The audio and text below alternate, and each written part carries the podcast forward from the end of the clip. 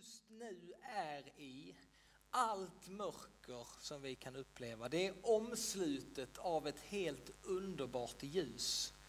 Ditt mörker, det är inte bottenlöst. Det finns en gräns för mörkret, det finns en gräns för döden. Livet vann, kärleken segrade och kärleken kommer också att segra i ditt liv. Så låt oss räta på oss på nytt. Nu är det påskens tid och idag har vi temat den gode herden. Den gode herden, det är han som ger sitt liv för sina får. Det är vår Herre Jesus Kristus. Han är både lammet som blev slaktat för vår skull och så är han den gode herden. Han är det oskyldiga lammet som slaktades för att vi skulle få leva. Så god är vår Gud att han låter sig slaktas oskyldigt för vår skull. Och idag så har vi läst ifrån profeten Hesekiel som också talar om Guds stora kärlek till oss. Vi läste, lyssnade på Hesekiel och där står det så här. Då ska de inse att jag, Herren, deras Gud, är med dem och att de är mitt folk. Israel, säger Herren Gud, ni är mina får. Ni är får i min jord och jag är er Gud, säger Herren. Där i Hesekiel så får vi ta emot eh, vår självbild och vi får ta emot vår Guds bild. Alltså Gud han säger, jag är er Gud. Jag är den gode herden. Det säger någonting om vem Gud är. Nu pekar jag på mig själv. Eh, det säger vem Gud är och sen så talar det om vem du är och vem jag är. Vi är får i hans jord. Vem Gud är och vem jag är. Och jag tror inget annat påverkar oss mer faktiskt än just detta. Vilken gudsbild du har. Alltså hur du tänker att Gud är mot dig. Vilken gudsbild du har och så vilken självbild du har. Här talas det om en Gud som jag säger, jag är den gode herden. Jag är den som ger sitt liv för dig. Så mycket älskar jag dig. Där får vi en sann gudsbild. Och så talas det om vilka vi är. Jo, ni är, du är, ni är får i min jord. Ni tillhör mig. Jag har köpt er fria. Jag älskar er. Där får vi en sann gudsbild, där får vi en sann självbild som kan påverka våra liv. Och förra söndagen, ni som var här, så fick vi möta Drisse. Drisse han kom in här med eh, en, en stor eh, kapuchong på sig och, och, och den här tunga väskan som står kvar här idag. Och vi fick hjälpa Drisse att lyfta av sig det här bagaget som han bar på, men som han, han inte var medveten om på något sätt. Och sen fick vi hjälpa honom av med den här självbilden som han bar på. En felaktig bild av vem han var. Och det påverkar honom, det påverkar oss hur vi ser på oss själva. Det påverkar oss hur vi ser på Gud. Och jag tänkte berätta lite eh, från mitt liv, hur det är att bära på bagage jag fortsatte tänka på det här med bagage liksom, efter söndagens gudstjänst. Och så fortsatte jag liksom att tänka. Och jag tänkte berätta att för något år sedan så fick jag möjlighet att gå i, till en samtalsterapeut. För två år sedan, jag gick två terminer, så gick jag hos en, en kvinna, Sankt Lukas stiftelsen här i Helsingborg.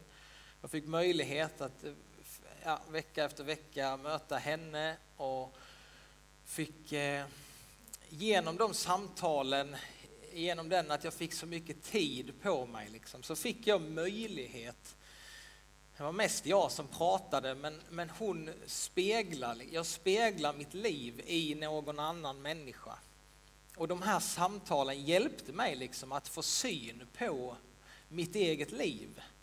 Det hjälpte mig att få syn på liksom, vad är det jag vad är det som har format mig? På något sätt? Vad är det jag bär på som inte jag är medveten om? Eh, och eh, då funderar jag lite på mitt liv också. Vi, jag tänkte tillbaka lite längre, liksom, de längre perspektiven. Och då kommer jag ihåg att när jag, när jag skulle gå i, i eh, eh när jag skulle börja klass 6 i skolan, någon som går i sexan här? Nej. När jag skulle börja klass 6 i skolan, då flyttade vi ifrån eh, Vejbystrand, Magnarpsskolan där jag hade vuxit upp och gått och så flyttade vi till Toftaskolan i Munka Ljungby. För att vi flyttade till Munka Ljungby som familj och jag ville inte alls det, byta skola och flytta. Usch, jag tyckte det var så jobbigt. Men vi gjorde det och jag började klass 6 i Toftaskolan. Och den första terminen där så kom jag dit väl som en glad kille. Men då var det, efter ett tag så var det två killar där i klassen som inte riktigt gillade min, min stil eller mitt, ja, jag vet inte. Så de bestämde sig för att liksom trycka ner mig lite. Och det var, inga liksom, var ingen svår mobbning, men det var liksom mobbning och det var små grejer hela tiden som de liksom tryckte ner mig och gjorde mig, ja, det var inte alls roligt. Jag kommer ihåg en gång jag satt, stod inne på toaletten på skolan och så grät jag och jag grät och grät. Jag kunde inte sluta gråta. Och jag kände bara, ah, jag måste sluta gråta, jag vill inte gråta, jag vill inte gråta, jag vill inte gråta. Men jag grät. Och eh, till slut så, jag, jag berättade inte det för mina föräldrar heller om den här situationen, men till slut så, så kunde jag, ville jag inte gå till skolan och eh, de, vi fick ta tag i det här med, med lärare och eh, det blev väl liksom lite bättre. Men det var under ett halvår på något sätt där jag fick ändå uppleva det här att vara mobbad på ett sätt. Och sen efter det rätt så snabbt så bytte jag klass och började ju högstadiet och det, sen, sen var det liksom över med den tiden. Men den här tiden, första halvåret i sexan, det kan jag verkligen, när jag ser tillbaka på mitt liv så var det som att jag fick ett eh, rätt stort bagage på mig. Den här upplevelsen av att eh, det jag fick uppleva där, det satte sig liksom i kroppen på mig på ett sätt. Eh, som eh, gjorde att eh, under eh, då sjuan, åttan, nian så var jag, jag hade ju, alltså det var en bra tid och jag var liksom, det är inte liksom synd om mig, men det var någonting som satte sig i kroppen på mig, en osäkerhet som gjorde att jag ville, jag tänkte väldigt mycket hur andra skulle, vad, vad de tänkte och tyckte om mig. Och liksom jag ville liksom passa in och jag var lite rädd för att eh, ja, liksom visa kanske mitt sanna jag. Och det var mycket att man ville parera och passa in. Och det hängde med då, sjuan, åttan, nian, det hängde med hela gymnasietiden också. Fanns det den här osäkerheten, lite rädsla som satt i kroppen på mig. Eh, jag var ju kristen, jag bestämde mig då typ i, i, i ja, under tiden där åttan och nian någon gång så bestämde jag mig för att jag skulle liksom följa Jesus. Ett eget liksom beslut och jag tyckte det var viktigt och, och det, det var en härlig tid. Men samtidigt så var det alltid det här, i kyrkan så var jag Eh, en person och sen när jag kom i skolan så kunde jag inte riktigt vara den jag ville vara där. Då var det mycket det här liksom bagaget jag hade. Jag vågade inte riktigt utan det var väldigt så, en person i kyrkan och så en person i skolan. Och jag brottades med det här liksom, ah, varför kan jag inte vara liksom samma person på de här olika ställena? Och sen eh, efter, efter jag hade tagit studenten så gjorde jag lumpen Det var en bra tid för mig att få liksom stå på egna ben och komma iväg. Och sen efter det så gick jag en bibelskola uppe i Linköping och året efter det så levde jag ett år ute på Helgarödsgården här utanför eh, Helsingborg. Jag levde liksom så här litet hobbymunkår där jag fick eh, väldigt mycket tid, både under bibelskolan och det året. Jag fick så mycket tid tillsammans med Gud i bön och att läsa. Och de här två åren, det var som att jag bara marinerades i, i Guds kärlek och vem jag är i, i Kristus. Det blev som en sån enorm upptäckt. Det är det som jag alltid hade haft liksom, i dopet. Jag fick verkligen en, en sann självbild. Och jag har inte tänkt på det så mycket, eh, men där efter de åren på något sätt, det var inte någon liksom quick fix eller vid något tillfälle, men genom bibelskolan och det här året ute på Helgeandsgården så kände jag bara det där. Jag fick känna, nu, nu vet jag vem jag är och vem jag vill vara. Och efter det så har jag aldrig behövt känna den här eh, dubbelheten och vem jag ska... Utan jag, jag känner att jag, jag, jag, kan vara samma person var jag än är. Och den här rädslan som har satt sig, den, har, den är liksom borta ur mitt liv. Jag är inte rädd på det sättet längre. Och jag kan verkligen se att det, är en, ja, men det var en enorm befrielse från att jag, när jag liksom fick ta emot liksom en sann självbild och vem jag var, så fick jag också möjlighet att släppa det som, bar, som jag bar på och som faktiskt påverkade mitt liv så mycket. Sen har det hänt saker vidare i mitt liv då jag har också fått, ja men, det kommit andra ryggsäckar, andra saker som jag har burit på och som jag sen har fått, fått lägga ner och fått lämna. Och det var en som frågade mig igår, bär du på någonting nu? Ja, det gör jag säkert. Det gör jag säkert. Det är inte det att man är fri från saker, men jag har verkligen fått uppleva om och om igen att jag kan lämna saker till Jesus Kristus. Jag kan verkligen säga att Herren är min herde. Som, eller som Petrus skriver i första Petrusbrevet. Ni var som vilsegångna får, men nu har ni vänt tillbaka till era själars herde och vårdare. Jag har verkligen fått uppleva om och om igen i mitt liv hur Jesus har fått ta hand om, han tar hand om min synd, han tar hand om mina sår. Alltså man, man behandlar inte det på samma sätt. Va? Synden bekänner vi och så får vi förlåtelse, kan vi lämna det. Såren, de behöver ju, vi behöver ta hand om dem. Det behöver omvårdnad. Sen har vi bindningar till olika personer. Det kan vara personer som du bär på. Man kan bära på sin mamma, man kan bära på sin pappa, man kan bära på vad människor har sagt. Sådana saker vill också Jesus bara befria oss ifrån. Han vill göra oss fria, så han har verkligen, ja, jag vet vem jag ska gå till när jag får syn på saker. Och där behöver jag, liksom, jag har också den erfarenheten att jag behöver hjälp där. Jag ser inte vad jag bär på alltid. På samma sätt som Drisse förra gången, han ser, han var inte medveten. Där behöver jag hjälp av andra kristna. Jag har fått uppleva det, hur, att gå i samtal, att få prata, att få dela livet. Och så får man, ja, så får man syn på sig själv i mötet med den andra. Och hur befriande det kan vara att få tillsammans med någon annan få hjälp att lämna det som man bär på som jag inte ska bära på utan som Jesus vill bära. Så jag kan säga som kung David gör i salmen 23, Herren är min herde. Vi ska få läsa den nu. David han skriver så här. Herren är min herde. Ingenting ska fattas mig. Han för mig i vall på gröna ängar, han låter mig vila vid lugna vatten. Han ger mig ny kraft och leder mig på rätta vägar, sitt namn till ära.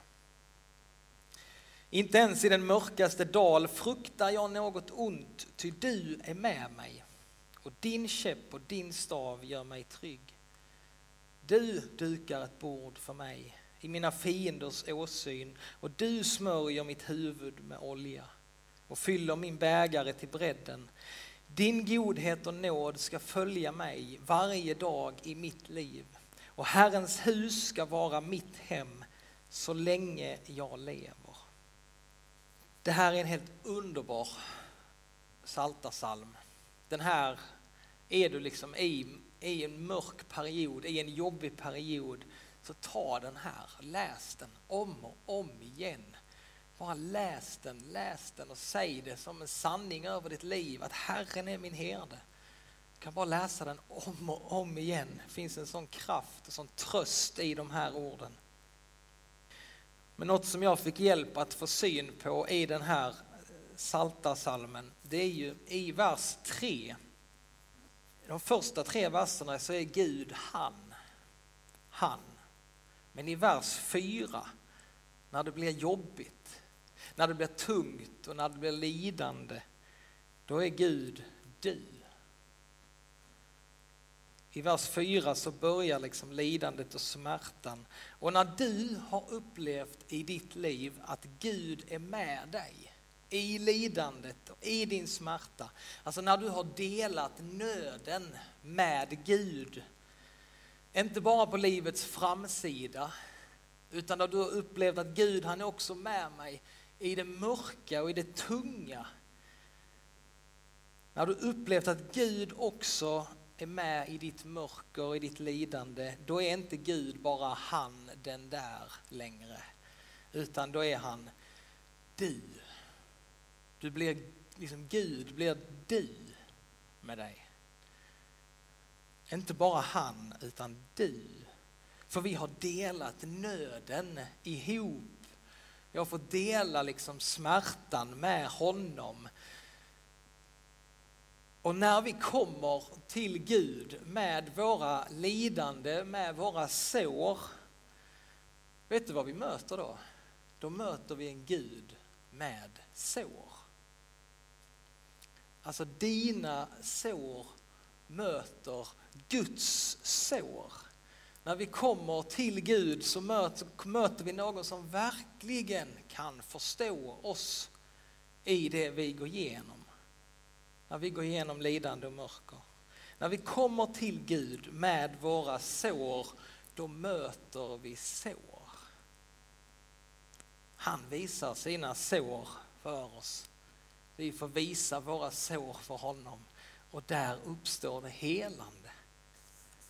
Nu ska vi få sjunga tillsammans. Jag ska lära er en sång. Den går så här. Vi sjunger den a cappella några gånger. Gå med mig, gå med mig Gå med mig, gå med En gång till. Gå med mig, gå med mig.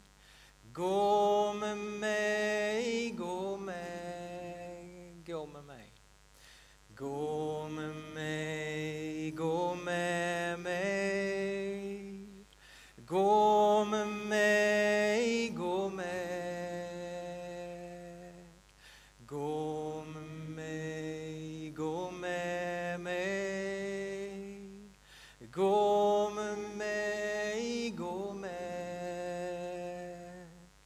Sår mot sår, hud mot hud.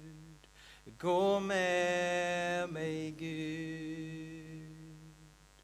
Sår mot sår, hud mot hud.